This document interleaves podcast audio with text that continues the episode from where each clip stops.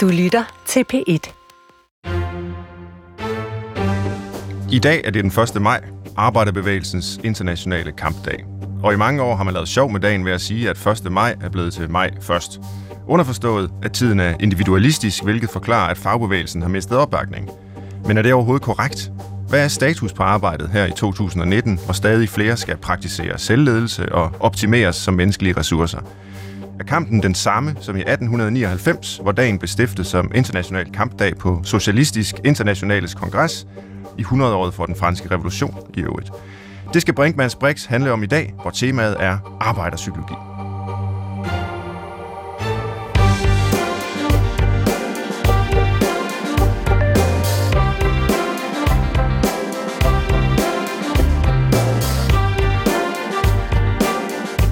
Som professor i psykologi undersøger Svend Brinkmann, hvorfor vi mennesker handler, som vi gør.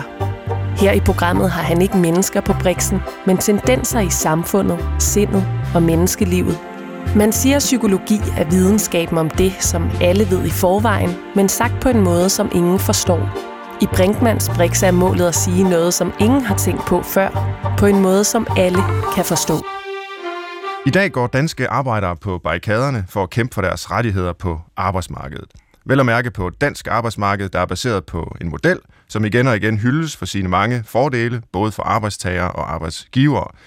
Men har modellen ændret sig, og har vi som arbejdere og som lønmodtagere ændret os? Det skal vi undersøge i dag her i Brinkmanns Brix. Temaet er arbejderpsykologi, og øh, jeg har to gæster, der vil hjælpe mig med at belyse emnet fra forskellige perspektiver. Den ene er Michael Pedersen, som er lektor på CBS, Copenhagen Business School og Instituttet for Ledelse, Politik og Filosofi, blandt andet medforfatter til bogen Strategisk Selvledelse. Velkommen Michael. Tak. Dejligt, du er med. Og også velkommen til Laust Høgedal, som er lektor på Aalborg Universitet, Institut for Statskundskab, og du er arbejdsmarkedsforsker. Også velkommen til dig. Mange tak. Vi skal jo tale om de store linjer her i dag, øh, den 1. maj. Hvad der sket med arbejdsmarkedet? Hvad betyder det for vores arbejdsliv? Men øh, jeg kunne godt tænke mig at begynde lidt mere erfaringsnært. Øh, nu er det jo ikke, fordi I er tæt på pensionsalderen eller noget, men I har jo nok, ligesom jeg, alligevel nogle års erfaring nu med at være lønmodtager. Hvordan har jeres eget arbejdsliv egentlig ændret sig, siden I selv begyndte på arbejdsmarkedet? Skal vi starte med dig, Lars? Uha, det er et godt spørgsmål. Øhm, altså, jeg, jeg er jo i en branche, eller det er vi alle tre, øh, universitetsbranchen, som, mm. øh, som undergår store forandringer lige i de her år, synes jeg. Altså, vi har store krav til besparelser, fleksibilitet, og øh, da jeg startede, der, der kunne man være sikker på, at en, en karriere inden for universitetsverdenen, det var en livskarriere. Og sådan oplever jeg det ikke mere. Jeg oplever, at, øh, at man øh, godt kan forvente, hvis man ikke leverer, at man bliver fyret. Vi har jo eksempelvis fyret en, en masse mennesker på, på Aalborg Universitet lige nu. Så, så selvom jeg ikke har så lang ancienitet øh, på arbejdsmarkedet, så, så, så synes jeg alligevel, at øh, de øh, syv år, jeg har, jeg har været ansat øh, på Aalborg Universitet, at, øh, at der er sket store forandringer. Øh, hen imod øh, flere krav om øh, performance og, og flere krav om øh, fleksibilitet hvad siger du, Michael? Er det, jeg, kan kun stemme i, altså jeg er jo i samme branche, universitetsbranchen, og jeg, da jeg startede i uh, sin tid, så tror jeg, jeg var uh, en af de sidste, der skulle overveje, om jeg skulle skrive min phd afhandling på dansk eller på engelsk. Ikke? Mm. Og uh, jeg valgte faktisk om midt i processen, uh, fra dansk til engelsk, fordi jeg godt kunne se, hvor det bare hen i forhold til performance krav, internationalisering osv. Så, videre. så det, det, synes jeg er i markant stigning, og også øh, en større usikkerhed, især i forhold til øh, forskere på universitetet med PhD'er og adjunkter og postdokker, altså folk, som ikke har en langvarig kontrakt. Der kan jeg også se, der, der er større ængstelse øh, blandt øh, dem, end da jeg startede, hvor jeg havde en klar forventning om, at jeg skal da være lektor en dag. Mm. Så det synes jeg har ændret sig. Ja, altså der er jo i hvert fald kommet markant flere midlertidigt, midlertidigt ansatte, altså dem, er man er begyndt at tale om mm. som sådan et, et prekariat måske, som, som, mm. som kæmper år for år for at få en ny kontrakt, men uden måske nogensinde at, at få en fast ansættelse. Øh, der er kommet flere, som jeg også er inde på, mm. altså performancekrav, og man skal også registrere flere og flere ting, og universiteterne får jo en del, og sådan var det ikke, da jeg selv begyndte på universitetet, men sådan er det blevet en del af bevillingerne ud fra eksempelvis, hvor mange publikationer vi mm-hmm. som forskere udgiver. Øh, sådan set uanset hvad der står i dem. Mm. Altså, mm. hvis man bare udgiver en hel masse, og det er det værste juks, jamen, så får man en masse penge i kassen. Mm. Hvorimod, hvis man kun udgiver en artikel, mm. som er virkelig, virkelig god og sætter mm. Øh, standarden på et felt, øh, jamen, så får man meget mindre. Øh, sådan nogle systemer, som, mm. som vi jo så kender til, og den måde, øh, ja, det er jo så mange, det blander jeg lidt æbler og pærer her, men for at prøve at tegne nogle store linjer op, i hvor høj grad er det specifikt for, for vores sektor øh, i forskningsverdenen på universiteterne, og i, i hvor høj grad gælder det mere alment for, for det arbejdsmarked, vi har fået i Danmark? Jamen altså kravet om fleksibilitet, øh, det er gældende på, på hele arbejdsmarkedet. Men, øh, men de der krav til øh, performance og registrering og styring, det er noget, som vi ser slår mest igennem i den offentlige sektor. Øh, der har man et større øh, styringsbehov, end man har i, øh, i den private sektor. Selvfølgelig måler man også i den, øh, i den private sektor, men på grund af konstruktionen af den offentlige sektor, så er det der, at vi ser flere øh, performance-krav, og der bliver lagt også øh, flere øh, krav ind i, til den enkelte og til institutioner, øh, som blandt andet også bliver belønnet økonomisk, som du også er inde på, i forhold til hvor mange artikler, øh, BFI-point, som det hedder, man, man, man laver. Ikke? Øh, så, så, så det er noget, der, der har været i stigning, men, men det er noget, der slår mest igennem i den, i den offentlige sektor. Man kan sådan set også se i de undersøgelser, vi har lavet, at det er særligt øh, offentlige ansatte, som oplever en stigning i, øh, i øh, kravene til det her med at måle og registrere øh, og lave performance-målinger. Okay. Det er egentlig lidt sjovt, fordi hvis man går nogle år tilbage, der kan jeg huske, altså det er ligesom Øh, begyndte øh, på, på universitetet, og i den forstand blev, blev offentligt ansat, der er vi, vi jo statsansatte. Øh, jamen, der øh, lavede man sådan lidt grin med, med det offentlige, ikke? at der kunne man gå bare og, og fede den. Altså, man behøvede ikke at lave så meget, og der var ikke rigtig nogen, der holdt øje med en, og, og der var sådan en talemåde, som det var aldrig gået ud i det private erhvervsliv, det der.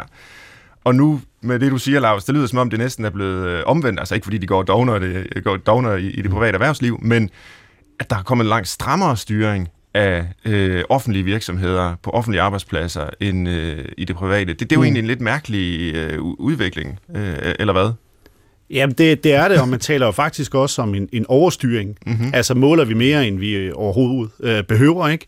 Øh, og det er klart nok, at jeg, jeg tror, der er noget sandhed i, at der er gået mange år, hvor man måske ikke har styret øh, og har haft øh, krav til registrering og, og, og performance. Men, øh, men man kan bare se i undersøgelser, at, øh, at der kan være nogle negative konsekvenser ved at, at lave overstyring også, særligt af offentlige ansatte.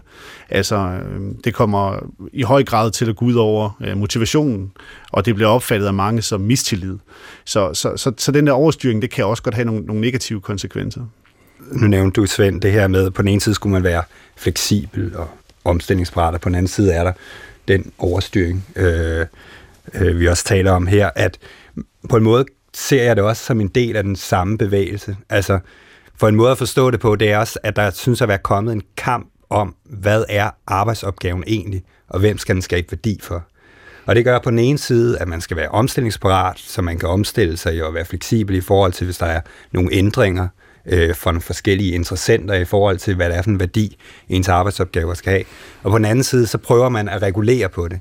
Ikke? Man prøver at lave nogle standarder, nogle procedurer, nogle målenheder for at prøve at organisere øh, på, øh, på den kompleksitet, der er i forhold til det. Og det kan skabe de der spændinger og konflikter, som man så oplever som arbejder. Ikke? Fordi på den ene side vil I have, at jeg er fleksibel og omstillingsparat og selv tager initiativ. På den anden side skal jeg leve op til standarden. Mm. Øhm, så det, jeg ser det som i høj grad også som en, ja, man kan kalde det en kamp om, hvad er det egentlig kerneopgaven er. Og den, den er udprædes også i den offentlige mm. sektor, ikke? Altså, hvor de nogle gange oplever i det private, der er der en, øh, en ledelse, der er en ejer, eller og nogen opfra, der siger, men det er sådan her. Mm. Ja. Ikke? Øhm. Rigtig god pointe, og lad os tage den videre med, fordi nu forlader vi sådan set vores egen øh, verden her, nu tog vi bare udgangspunkt i vores mm. egne erfaringer med at være øh, lønmodtagere. Øh, og så bevæger vi os ud først i, øh, på, på, på landets arbejdspladser og skal belyse øh, udviklingen der. Øh, vi skal også øh, ind i øh, en sammenhæng, hvor, hvor det er regnearkene, vi ser på, altså hvor, hvor hele systemet designes. Og endelig så slutter vi programmet af med at tage et helikopterperspektiv, øh, det lange historiske øh, blik, og se på, hvordan menneskers forhold til arbejdet og, og det at altså, have en identitet som arbejder, som lønmodtager, har forandret sig. Så det er de tre øh, perspektiver, vi skal igennem her i Brinkmans Brix i dag.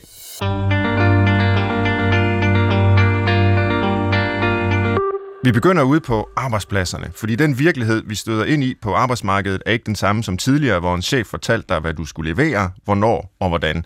I dag forventes vi som medarbejdere selv at kunne lede, og være selvledende, som det hedder.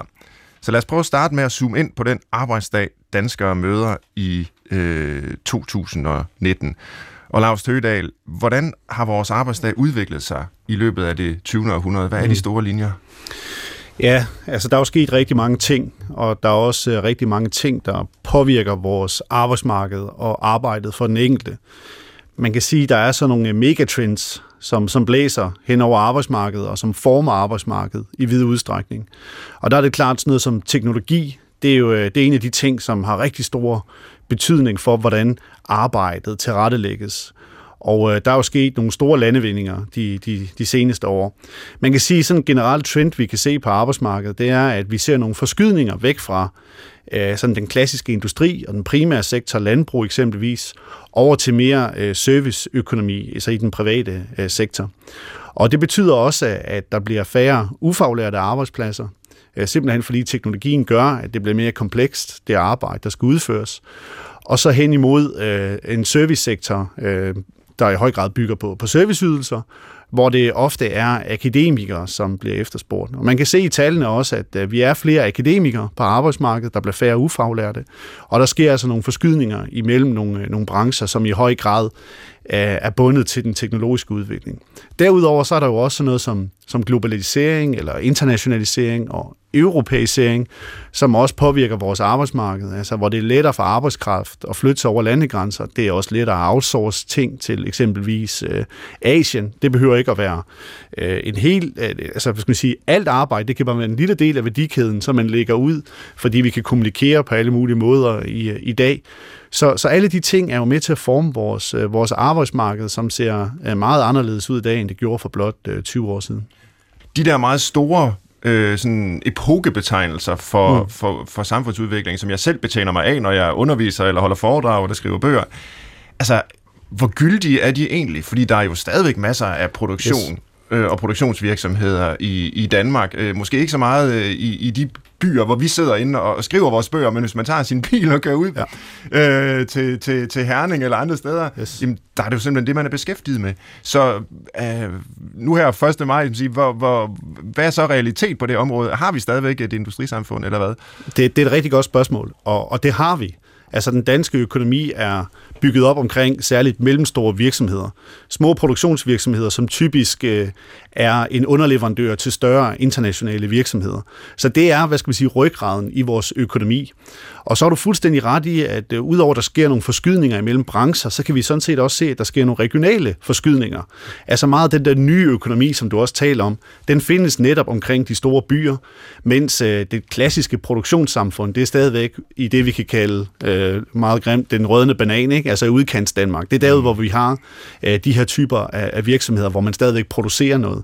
Øh, så, så, så det er klart, der er nogle forskydninger imellem brancher, men de er også regionale. Altså omkring de, de store byer, der er der meget serviceøkonomi, IT og så videre, og så har vi stadigvæk øh, i, i oplandet øh, den klassiske industri, og, og hvis man kigger på det, jamen så, så, så er det stadigvæk også de mellemstore virksomheder, som udgør, øh, hvad skal man sige, grundstenen i vores arbejdsmarked og i vores økonomi. Ja. Noget af det, jeg gerne vil, vil ind på i dag, det er, om, om det egentlig er det samme, der er at kæmpe for øh, ude i produktionsvirksomhederne øh, versus inde i øh, servicefagene i, i byerne for eksempel. Altså, er det de samme problemer, man har der som, som, som arbejder eller som lønmodtager? Mm. Men øh, Michael Pedersen, nu, nu hvor vi har fået ridset sådan en, en stor historisk udvikling mm. op med globalisering og teknologisk udvikling, og vi får det her mere fleksible øh, arbejdsliv simpelthen. Øh, hvordan ser det så ud, øh, hvis vi, vi går mere ind i folks øh, eget liv? Øh, mm-hmm. Du har jo beskæftiget dig en del med jeg sige, selvledelse, mm. konsekvenserne af, af det her fleksible øh, mm. arbejdsliv, hvor der er nye krav til øh, selv at forvalte øh, si, sit arbejdsliv, arbejde i selvstyrende teams og have uddelegeret ansvar og hvad det alt sammen hedder. Hvordan, øh, hvordan ser udviklingen ud på sådan et mere øh, personniveau?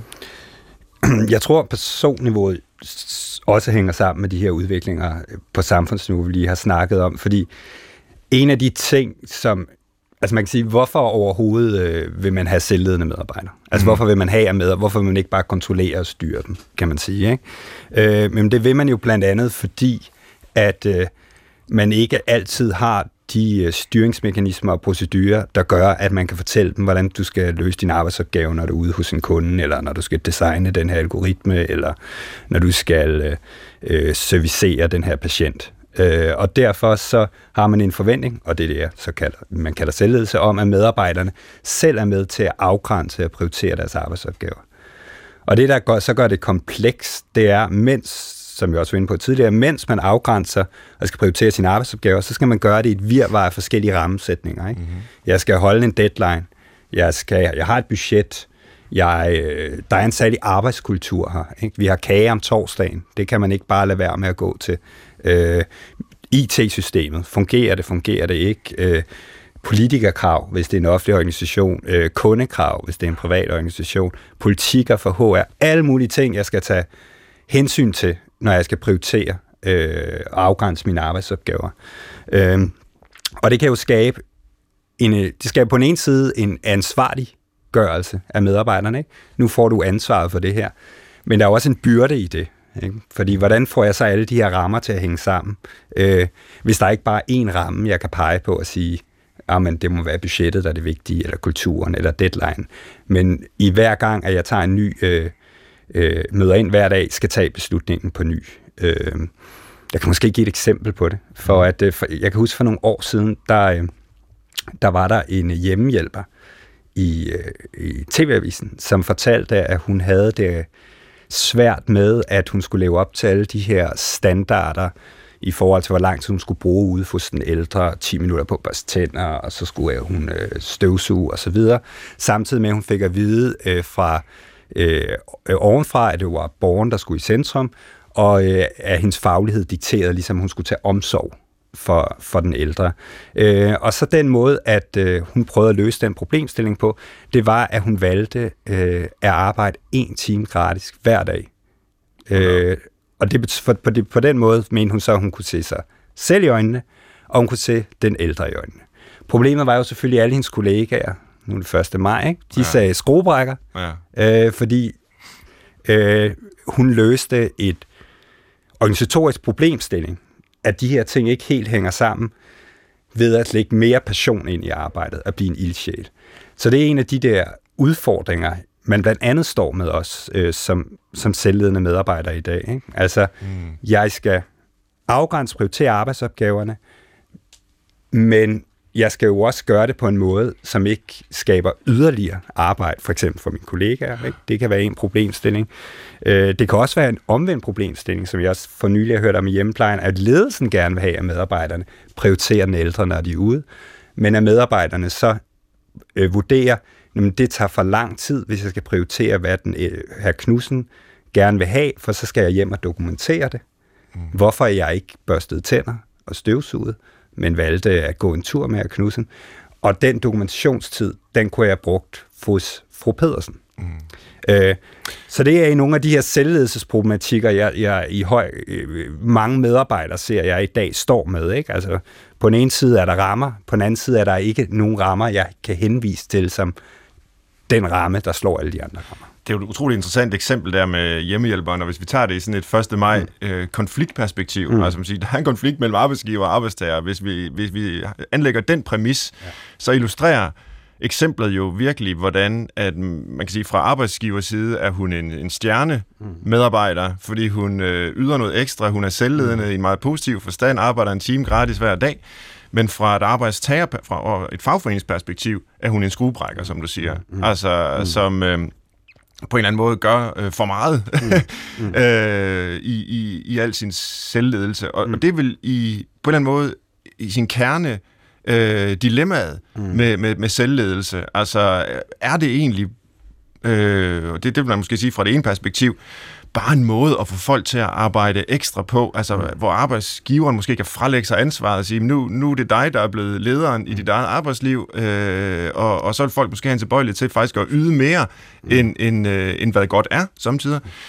Øh, det er den, øh, kan man sige, sådan, øh, lidt øh, skeptiske fortolkning mm. af fænomenet selvledelse. Og på den anden side kunne man sige, nej, men det er faktisk udtryk for en humaniserende udvikling, hvor folk i højere grad bliver aktører og får ansvar i deres arbejdsliv. Det er da en god ting. Det bør fagbevægelsen da også støtte op mm. om. Mm. Øhm, er, er det sådan en central øh, konfliktlinje eller et centralt dilemma øh, i, i det moderne arbejdsliv? Ja, det synes jeg, det er, og det, der gør den besværlig, det er, at den også er inderligt gjort. Ikke? Mm. Altså, det er også noget, den enkelte arbejder så slås med, ikke? Altså, øh, i, i forhold til for eksempel nogle af de, de her eksempler. Altså, jamen, jeg kan vælge at bare arbejde under de betingelser, vi nu har fået som hjælpehjælper.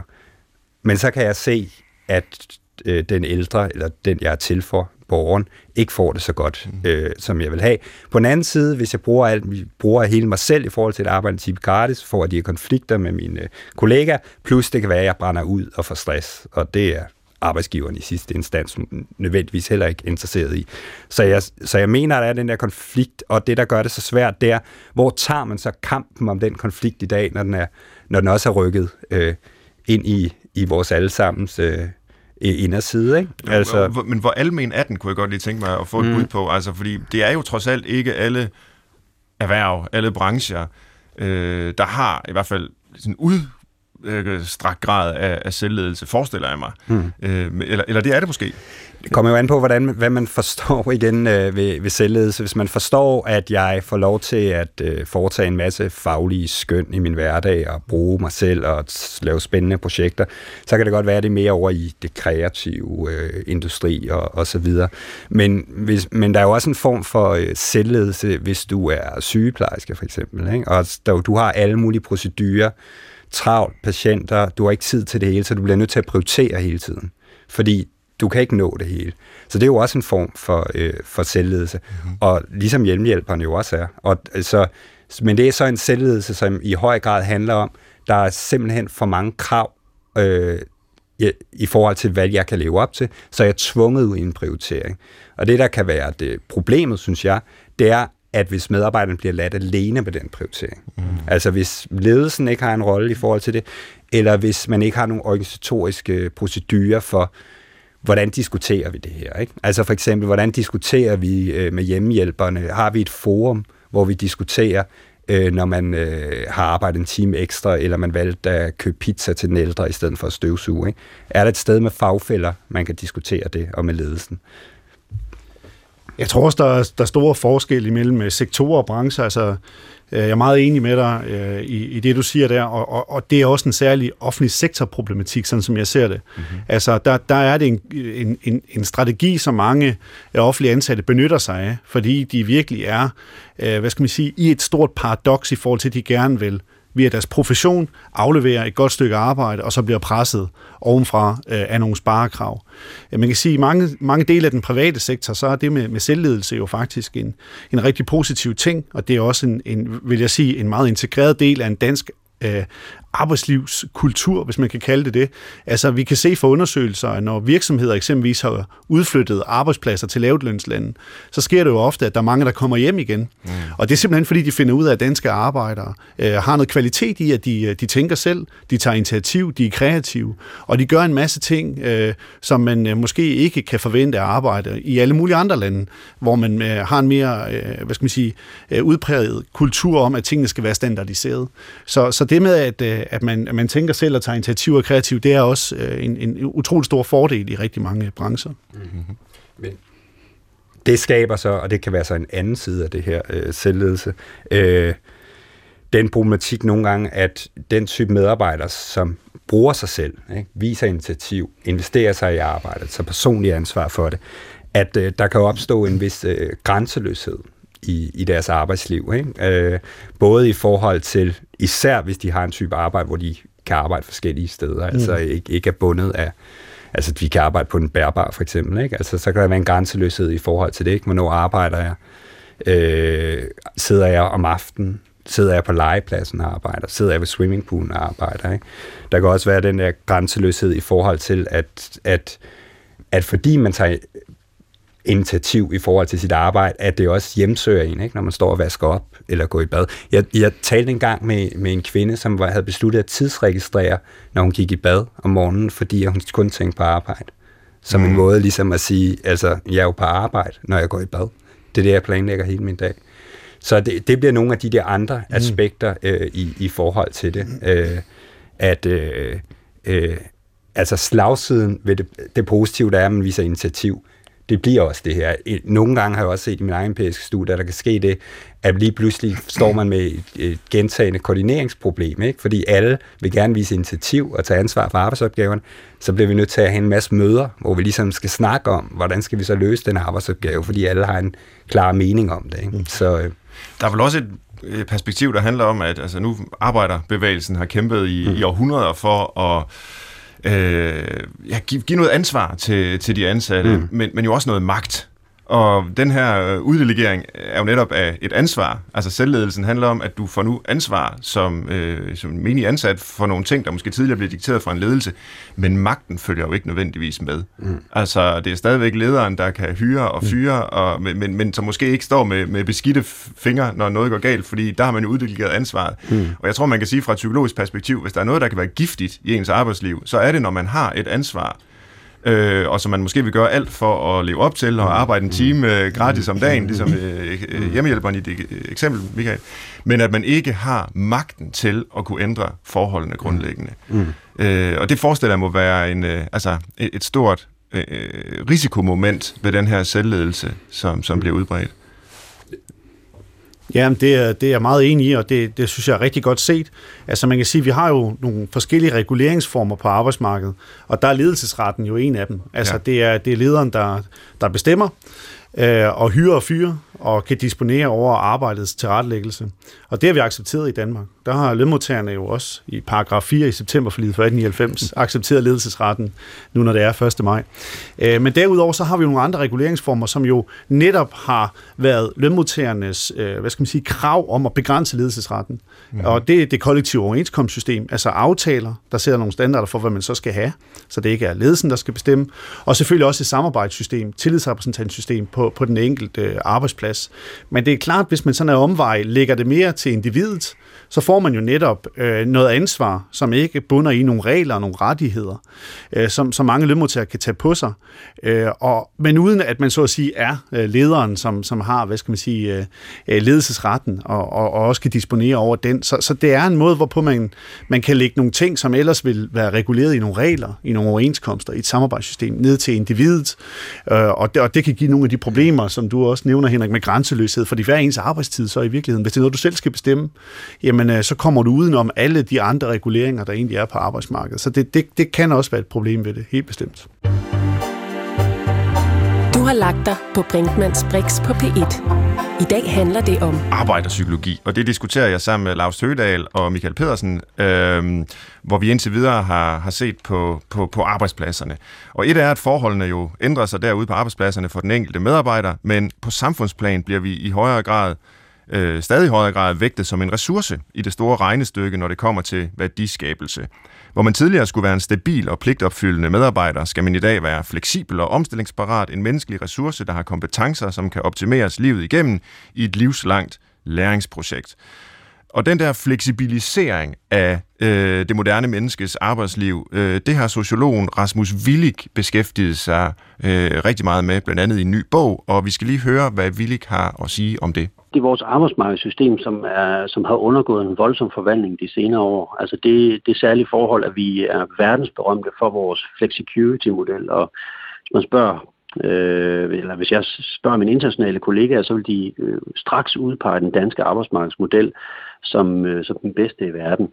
Men det, der er sket ved flexicurity-modellen, det er, at arbejdsgiveren har beholdt sin høje grad af fleksibilitet, altså kan forholdsvis let øh, hyre og fyre, men at security-elementet, som øh, består af et velfungerende dagpengesystem og kontanthjælpssystem, er, er kommet under pres.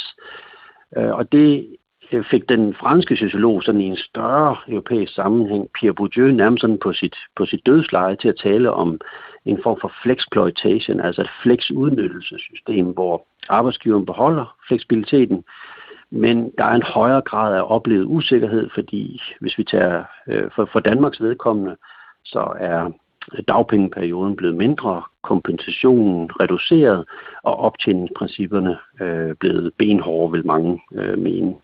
Og det, det vil sige, at der er en højere grad af oplevet usikkerhed, fordi øh, der simpelthen ikke er den, den samme økonomi, hvis man skulle være så uheldig at blive afskediget.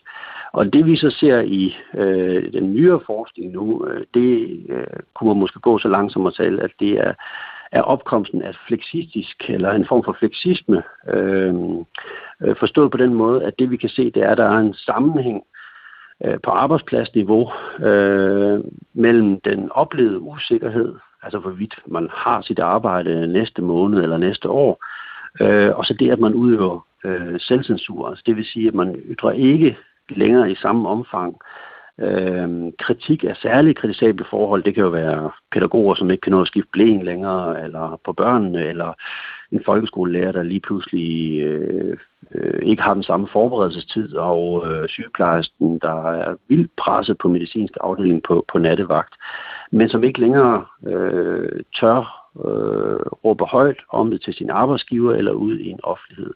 Og det vil sige, at vi er altså gået fra flexicurity øh, system, som var en høj grad af sikkerhed, til et flexploitation system med en højere grad af oplevet usikkerhed, og nu kan vi se, at der er en sammenhæng mellem den øh, højere grad af oplevet usikkerhed og det, at man faktisk udøver selvcensur, fordi man frygter at miste karriere, eller sågar blive afskedet, hvis man ytrer kritik. Ja, det var altså Rasmus Willig, som er sociolog og lektor på Roskilde Universitet, og som har både beskæftiget sig med udvikling på, på øh, arbejdsmarkedet, men også med øh, de muligheder, vi som borgere har for at være kritiske, øh, bruge vores ytringsfrihed til at tale om kritisable forhold, f.eks. i arbejdslivet. Og det er jo noget af det, øh, arbejderbevægelsen har været god til op igennem øh, historien og, og forbedre vilkårene for arbejderklassen ved at mobilisere sig kollektivt og pege på kritisable forhold. Og nu lægger Rasmus Willik her op til noget, der jo lyder som en øh, forfaldshistorie. Altså nu, nu troede vi lige, det gik så godt, og vi har fået et flexicurity-system, øh, som udlandet øh, misunder os, øh, men så bliver det til flex exploitation og endda til øh, flexisme, som ikke bare giver en oplevet usikkerhed, men simpelthen også gør, at folk ikke tør at sige noget mere. Øh, vi går måske ikke sammen i kollektive strukturer og, og strækker længere, når der er kritisable forhold. Vi tiger stille og nøjes med at gå ned med stress som individer, eller noget i den stil. Hvad siger I til den øh, forfaldshistorie der? Er den, øh, er den for sortsynet, eller er der realitet bag, Lars Stødal? Altså, jeg kan sagtens følge hans øh, resonemang, men jeg mener, det, det er trukket øh, lidt for hårdt op. Altså, vi har stadigvæk en, en flexicurity-model i, øh, i Danmark, øh, men jeg er helt enig i, at særligt dagpengene bliver reduceret øh, kraftigt. Og vi kan også se i vores undersøgelser, at øh, lønmodtagere i dag i højere grad end tidligere frygter arbejdsløshed. Så der er noget omkring den usikkerhed, som er blevet større.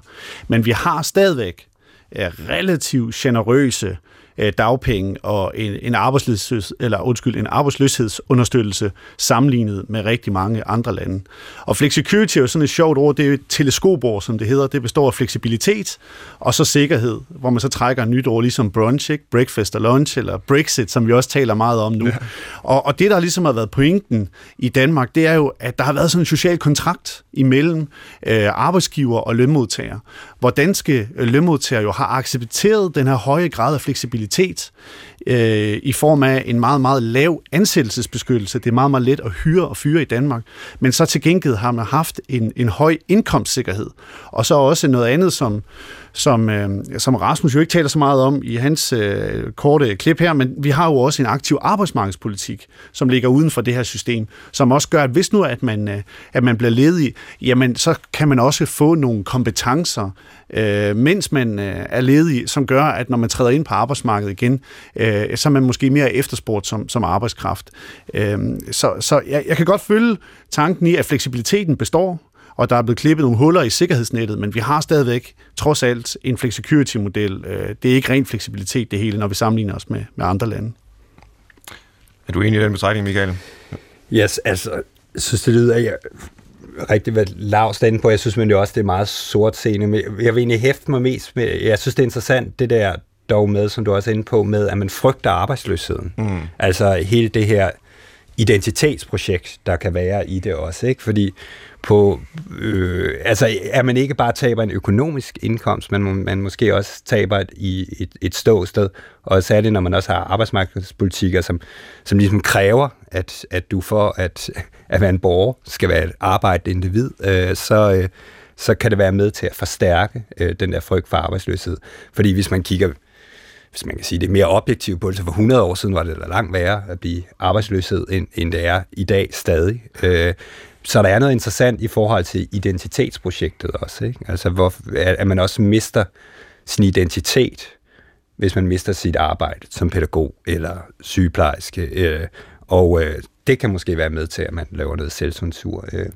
Men nu ja, spekulerer jeg bare. Det, det er jo på en måde den øh, stærkt kritiske brød i det, mm. han siger, mm. i, i mine ører i hvert fald. Hvis mm. vi har et øh, arbejdsmarked, der... Og så kan man diskutere, altså, om det objektivt set er blevet mere eller mindre mm. usikkert, men jeg, jeg tror da, det er givet, at det opleves mere usikkert. Mm. Og det er vel den der psykologiske oplevelse af, hvor tingene bevæger sig hen, der er afgørende i, i den her sammenhæng.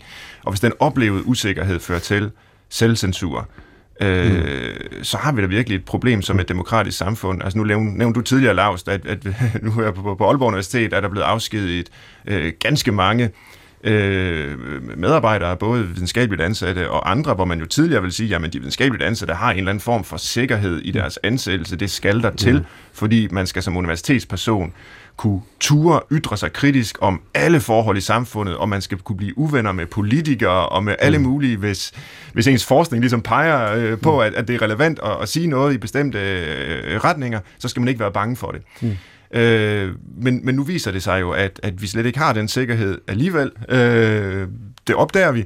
Og, og, og der har også, synes jeg i hvert fald, bekymrende lidt øh, modstand mod øh, de her nedskæringer. Altså man accepterer det jo bare ligesom, at Københavns Universitet og Aarhus Universitet tidligere har været igennem lignende øh, nedskæringer, og hvis vi går øh, 20 år tilbage i tiden, jeg er sikker på, at der har været demonstrationer og en helt anden mm. masse mobilisering af, af, af modstand og kritik over for det her. Og, og nu siger man bare, jamen okay, men det er så vilkårene. Vi tør måske ikke rigtigt at, at kritisere det, fordi så er det måske også næste gang, der bliver afskediget. Nu er det ikke fordi, det skal trækkes ind mm. i universitetssektoren igen, mm. men, men det er jo bare et af de områder, der er blevet hårdt ramt, hvor jeg i hvert fald synes, at det ser ud til, at der har været, jeg ved ikke, om man kan kalde det selvcensur, men, men, men i hvert fald ikke særlig meget debat i virkeligheden om, om de her ting. Det er, det er jeg meget enig i. Altså jeg tror, i, på sådan en individplan, der er du fuldstændig ret, men jeg tænker også, man skal huske på, at vi skal jo ikke længere end et år tilbage, før vi stod øh, faktisk med det ene ben i Danmarks historiens største konflikt arbejdskonflikt mm. i den mm. offentlige sektor ved OK18. Ja. Og der blev der i den grad mobiliseret. Og der så vi jo rundt om i landet, at den ufaglærte stod skulder i skulder ved, ved overlægen og sagde nok er nok, ja. som var et af de slogans. Ikke? Så, så øh, jeg mener ikke, at alle ligger sig fladt ned. Jeg mener, der er nogle kræfter, øh, som, som gør, at der også er en, en vilje og en evne til at mobilisere, når, når det gælder. Øh, men, men, men jeg kan sagtens følge, øh, følge dig i, at når det gælder den enkeltes hvad skal man sige, øh, muligheder øh, for at, at ytre sig, så, så tror jeg, at, øh, at der er sket rigtig meget, fordi man frygter konsekvenserne øh, individuelt. Men man kan se, i hvert fald synes jeg, med overenskomstforhandlingerne der sidste år, at der trods alt er øh, en, en, en, en, en evne og en vilje til at stå sammen, når det gælder os. Mm. Det synes jeg også er en rigtig god pointe, at der stadig bliver mobiliseret øh, modstand på den måde. Men, og noget af det, jeg også måske større linje synes, jeg bliver interessant, det er, om den her modstand vil få andre former end fagforeningerne. Altså fordi fagforeningerne jo klassisk har været opbygget om et fag, men når meget arbejde i dag min, i mindre grad handler om, at du uddanner et specifikt fag, øh, og at du er i en organisation, hvor flere fag skal arbejde sammen, hvordan, øh, hvordan samler man så, kan man sige, en arbejderbevægelse omkring det, og dermed noget kollektivt omkring, at vi ikke er pædagoger versus lærer, men hvad vi begge to arbejder på en skole, for eksempel. Ikke? Så det synes jeg bliver øh, inter- er interessant i den her diskussion øh, i de store linjer omkring, om der sker en selvcensur eller ej. Det er også mulighederne for nye måder at organisere sig på. Jeg er enig, og noget af det, vi også kan se, altså, som kan være en konsekvens ved at blive ved med at skære i sikkerhedsdelen, i flexicurity-modellen, det er jo, at på et eller andet tidspunkt, så ønsker lønmodtagerne jo at få noget anden form for sikkerhed. Altså det, det, det, det, skaber, det skaber jo et nyt behov, og, og det vi kan se ved de seneste overenskomstforhandlinger, det er jo, at der rent faktisk bliver snedet krav ind i, øh, i overenskomstforhandlinger for lønmodtagersiden om mere ansættelsesbeskyttelse. Så pointen er jo på et eller andet tidspunkt, så kan det her jo også komme til at gå ud over fleksibiliteten. Så, så, så altså, hvis man ikke får sikkerheden via en indkomstsikkerhed, via en, øh, en beskæftigelsessikkerhed, ved en aktiv arbejdsmarkedspolitik, jamen så på et eller andet tidspunkt, så bærer man jo den der usikkerhed hen et andet sted, og så, og så ønsker man jo at få det løst, eksempelvis ved, at vi skal have længere opsigelsesvarsler. Og så kan det faktisk i sidste ende også komme til at gå ud over fleksibiliteten ja. på arbejdsmarkedet. Så eroderer vi vores øh, gode model her. Ja. ja.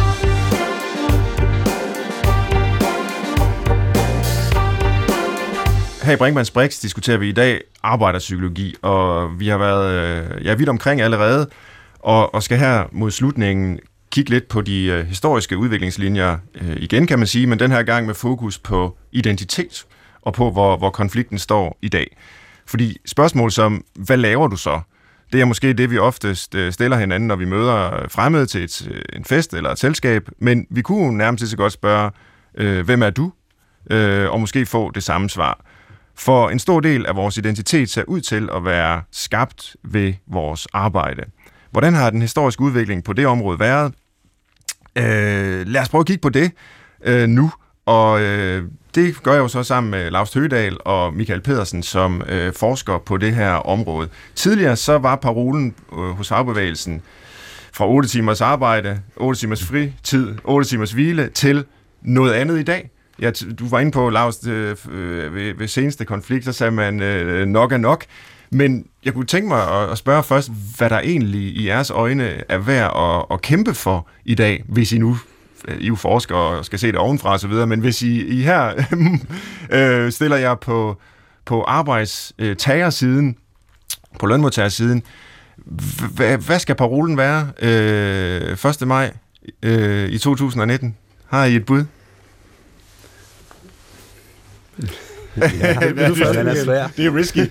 ja konsulentbidrag skal man have for sådan noget her. Øh, det, øh, øh, jamen, altså, jeg tænker i hvert fald, og det er både, både for arbejdstager og arbejdsgiver, altså noget af det, jeg øh, synes, man skal blive bedre til, det er, at øh, nu har vi talt om den der ansvarliggørelse af medarbejderen, og man også skubber ansvaret ned, men ledelsen beholder magten osv. Det er at være bedre øh, en, en parole, som skal lyde noget om, altså at finde bedre organisatoriske løsninger på øh, nogle af de her udfordringer, man typisk står med som, som virksomhed i dag. Ja. Altså, øh, og, og det kræver jo noget både af ledelsen og medarbejderne. Øh, øh, at, at gå med på nogle af de samarbejdsformer og organisatoriske løsninger. Fordi hvis man og, og det, det, der kan være den svære kamp, ikke? det hvis det bliver proppet ned i halsen på folk op, for at det ikke giver mening i deres hverdag, så vil man ikke gøre det som medarbejder. På den anden side, hvis det er den enkelte medarbejder selv, der skal genopfinde den dybe tallerken hver gang øh, man får en arbejdsopgave, skaber det også nogle udfordringer i forhold til den videre overlevelse af organisationen. Så øh, og så her der er jeg nok præget af, hvad det er, jeg laver. Ikke? Mm, altså, jeg er ledelse- og organisationsteoretiker, ja. øh, og, øh, og, og, og jeg synes, det er de her kollektive organisatoriske lag, som, som man skal have fokus på.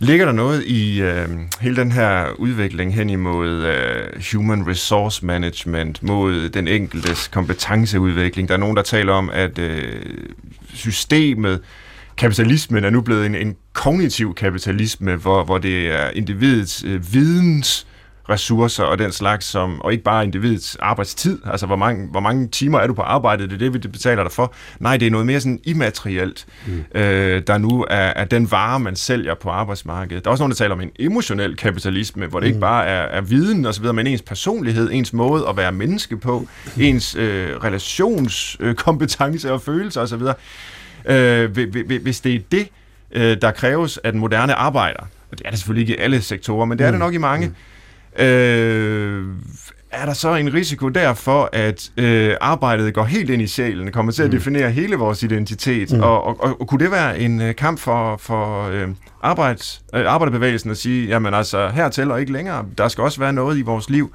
som ikke skal over leveres øh, til øh, arbejdsgiveren. Jeg kan huske, i 90'erne var det vel, øh, måske endda tidligere, der havde fagbevægelsen parolen øh, det udviklende arbejde, mm. øh, som var i, i samme arbejde med, med, med arbejdsgiverne, arbejdsgiverforeningen, og sige, nu, nu handler arbejdslivet om at realisere sig selv, og vi skal få et udviklende arbejde, der på human vis kan gøre, at folk mm. kan blive ligesom den bedste udgave af mm. sig selv, mm. eller sådan et eller andet. Mm. Og det er jo så langt den vej, den vej, man er gået ad, men, men måske er man gået for langt. Det er, det, det er et rigtig godt spørgsmål. Det, det er bestemt en, en ny arena, hvor, hvor der, der opstår nogle, nogle nye dilemmaer, nogle nye problemer. Men altså, jeg tror, hvis man, hvis man spørger lønmodtagerne selv, hvad er det så, at fagbevægelsen er sat i verden for? Så er det at skaffe bedre løn mm. og bedre arbejdsvilkår. Så de klassiske ting, du nævnte selv, den, den gamle med 8 timers arbejde, 8 timers fritid og 8 timers hvile, ikke? Ja. den er jo ikke helt ved siden af stadigvæk. Og Nej. hvis du kigger på, hvad der blev øh, forhandlet om ved sidste overenskomstforhandlinger i den offentlige sektor, så var lønnen jo også det helt store spørgsmål. Så det er stadig nogle klassiske dyder. Men man kan sige, der var jo en, en, øh, en, en formand, en LO-formand engang, der kom til at sige, har vi sejret os øh, af helvede til? Ikke? Altså underforstået, har fagbevægelsen nået alt det, man, man ville, og er man gået væk fra den her offensiv dagsorden? Det er ja. jo en bevægelse, noget, der kæmper hen imod noget. Ja, han sagde jo af helvede til godt. Ja, helvede til altså, godt, fordi det der godt, han mente det er jo sådan set positivt. Ikke? Positivt, ja, ja, men det er blevet vendt meget til, at nu har man ja. ligesom realiseret øh, projektet, ikke? og hvad skal vi så ja. kæmpe for? Ikke? Mm. Men, men jeg synes jo, de senere år er der jo kommet en dagsorden, øh, mere offensiv dagsorden for fagbevægelsen. Også det så man med OK18 også, ikke er nok er nok, og de der ting. Og, og mange fagforeninger melder sådan set også øh, om, at det har givet medlemmer, at man på den måde har revitaliseret sig selv lidt og få banket noget rust af og kommet ud på barrikaderne. Ikke? Så man kan sige, den, den klassiske fagbevægelse, den, den lever også og er der. Og, øh, og, og der er også behov for den, kan man jo ligesom se. Men det er vel ikke så meget konflikten mellem øh, arbejdsgiver og arbejdstager, mellem, hvis vi går endnu længere tilbage, kapitalejerne mm.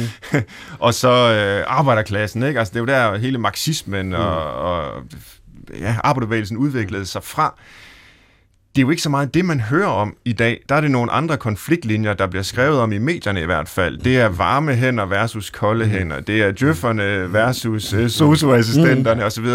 Altså, det er så selvfølgelig især på, på det offentlige arbejdsmarked. Men, men hvordan skal man 1. maj se øh, den slags ting? Altså, er, er, er det det, der er den nye konfliktlinje på arbejdsmarkedet?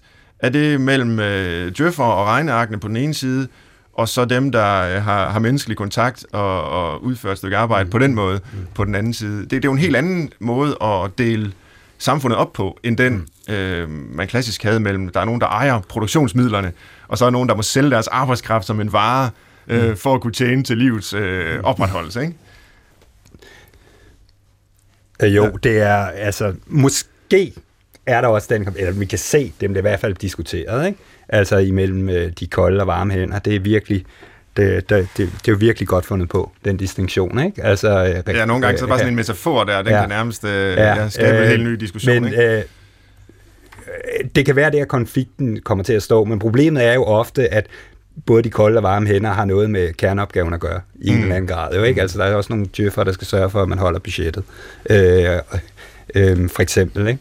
Så, øh, så det kan være, der kommer den der konflikt jeg ser dog også, nu nævnte du det der i starten med kognitiv kapitalisme og sådan noget. Der, der er også en anden konflikt, der handler om, og jeg var inde på det lidt tidligere med, at den også rykker indenfor hos os selv. Ikke?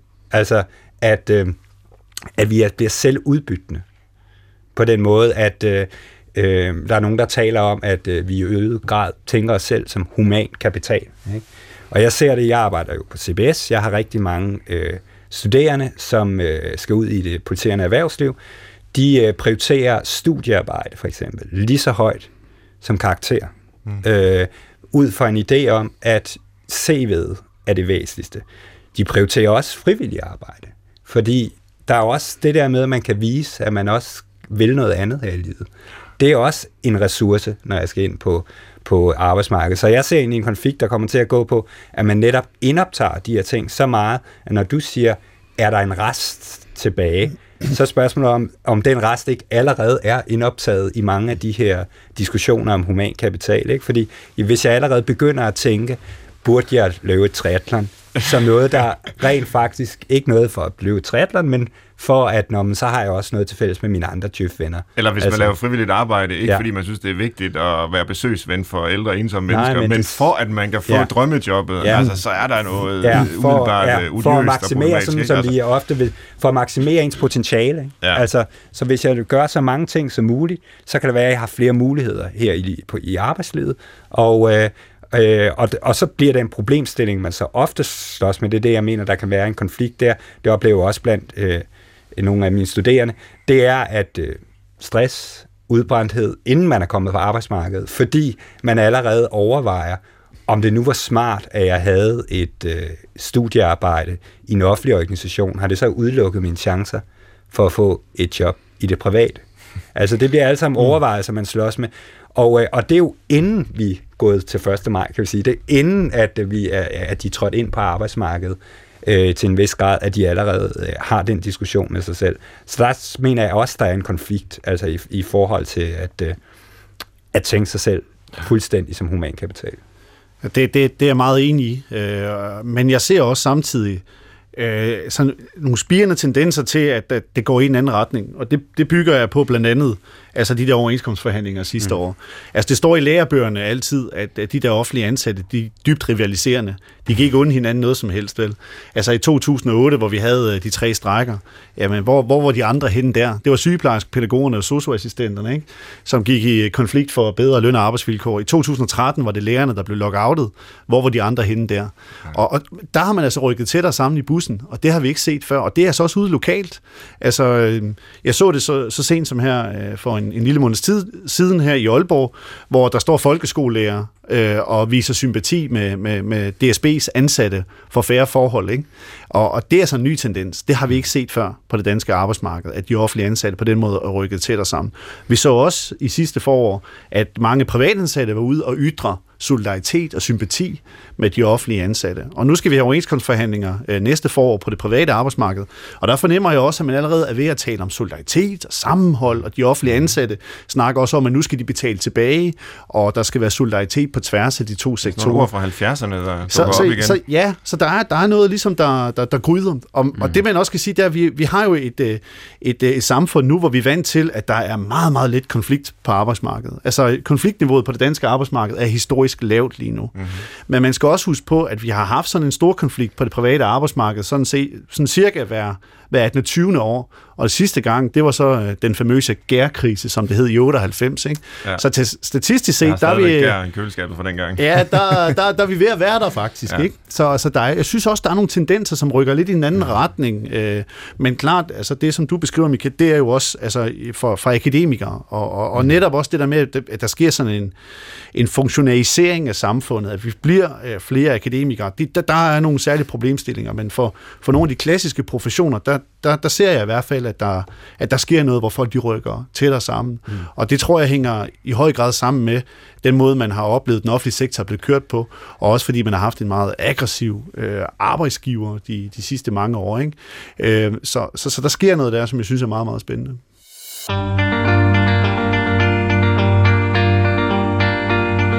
Her i Brinkmanns Brix, der slutter vi jo gerne af med en form for public service element. Vi laver nemlig gerne en liste med tre fænomener, tre ting, eller tre råd, man kan følge, hvis man gerne vil opnå et eller andet i forlængelse af det tema, vi har diskuteret. Og nu har vi diskuteret arbejderpsykologi. Det er 1. maj, så jeg forestiller mig, at vi skal prøve at skrive tre ting ned, som vi så leverer videre til lytterne, som øh, vi bør gøre for at få et bedre arbejdsliv. Tre ting, der er ved at kæmpe for her 1. maj. Michael, du rækker fingeren op. I, jeg, jeg har i hvert fald et, og det ja. starter lidt bredt, altså, og jeg nævnte det tidligere, altså kollektive arbejdsformer. Ja. Og hvad mener jeg med det? Jeg har, jeg har i, i et par år øh, fulgt en virksomhed, hvor jeg lavede en Paris, der hedder IH Nordic. De har en fire-dages arbejdsuge. Ja. Øh, og en af de ting, de for at man kunne få en fire-dages arbejdsuge, altså arbejde 30 timer om ugen, øh, at de har arbejdet med, det er forskellige former for organiseringsformer, som, som man bliver nødt til at købe ind på, for netop at have fri fredag, lørdag og søndag. Øh, blandt andet øh, har de øh, meget korte øh, møder. Møderne er kun 21 minutter eller 41 minutter. Det er, hvad man kan planlægge det ind i, ind i Outlook. Mm-hmm. Øh, og de har også øh, nogle, nogle særlige øh, arbejdsmetode er noget, der hedder en Pomodoro-teknik, hvor man arbejder 25 minutter øh, fokuseret, og så kan alle andre se, fordi jeg har en digital dashboard, om man er i dybt arbejde eller ej. Og så er der en, en, en regel om, du forstyrrer kun, hvis det er rigtig vigtigt. Hvis der står en kunde og øh, skal have fat i dig, så må du forstyrre mig, men ellers ikke.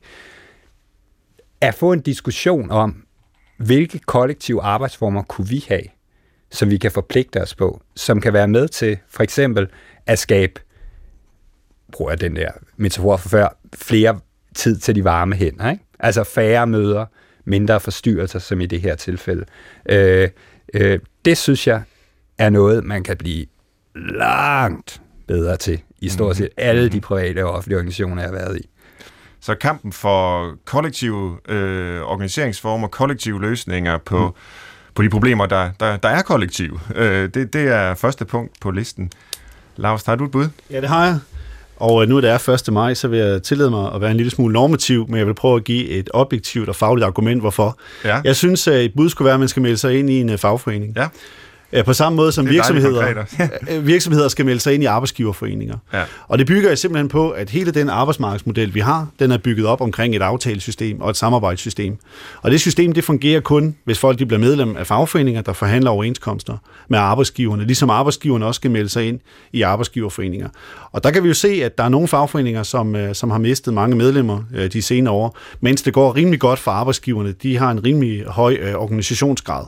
Så hvis nu man skal bibeholde den her model, som vi har snakket meget om, øh, som er med til at skabe balance mellem sikkerhed og fleksibilitet, så er man også nødt til at skal have nogle stærke arbejdsmarkedsparter, for det er dem, der laver de her aftaler.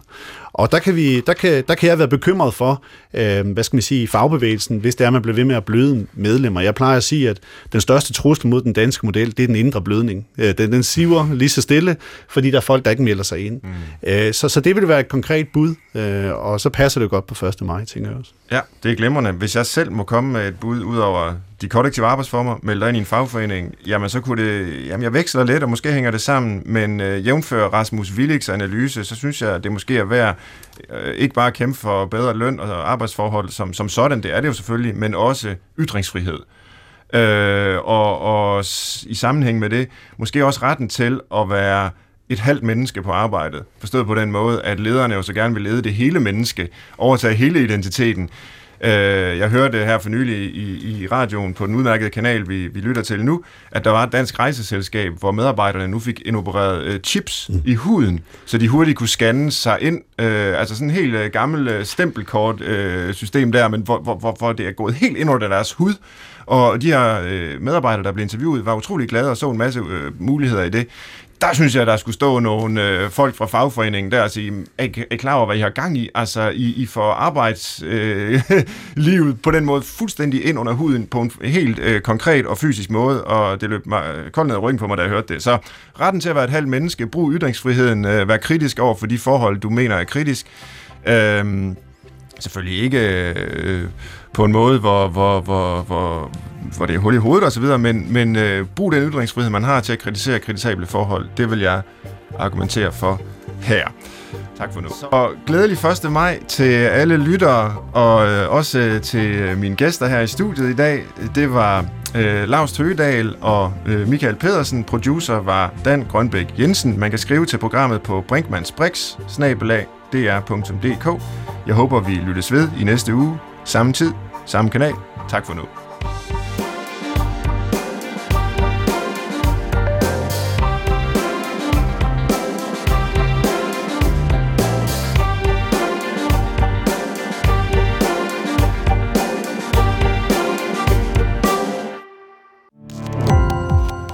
Gå på opdagelse i alle DR's podcast og radioprogrammer. I appen DR Lyd.